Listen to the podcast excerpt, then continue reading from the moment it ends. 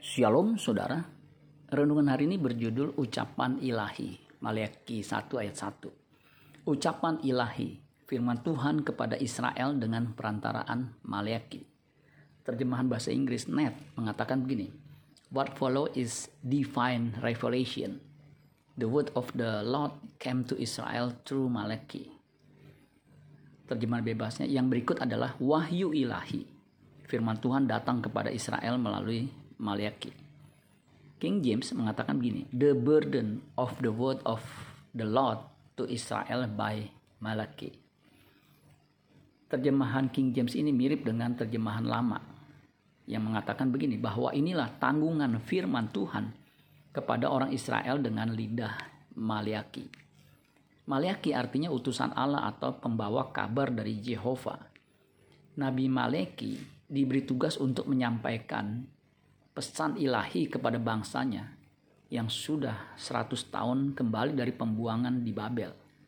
Setelah pembuangan selama 70 tahun, membuat bangsa itu mengalami kemerosotan rohani. Mereka tidak lagi setia beribadah, apalagi mentaati firman Allah.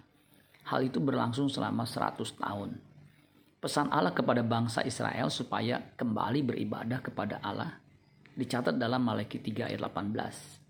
Maka kamu akan melihat kembali perbedaan antara orang benar dan orang fasik, antara orang yang beribadah kepada Allah dan orang yang tidak beribadah kepadanya. Setiap kita punya beban yang sama untuk beribadah kepada Allah selama kita hidup di dunia ini. Ibadah itu mengandung janji, bukan hanya hidup di dunia ini, tetapi juga hidup di dunia yang akan datang. 1 Timotius 4 ayat 7 sampai 8. Tetapi jauhilah tahayul dan dongeng nenek-nenek tua. Latihlah dirimu beribadah. Latihan badani terbatas gunanya, tetapi ibadah itu berguna dalam segala hal karena mengandung janji baik untuk hidup ini maupun untuk hidup yang akan datang inti beribadah, inti ibadah sebenarnya adalah perubahan.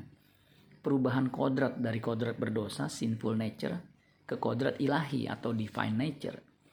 Perubahan ini terjadi karena firman Tuhan yang dimuatkan, di loading ke dalam diri kita.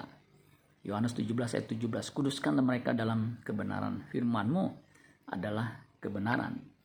Jika kita tidak berubah, maka kita akan punah Amin buat firman Tuhan. Tuhan Yesus memberkati. Sola Gracia.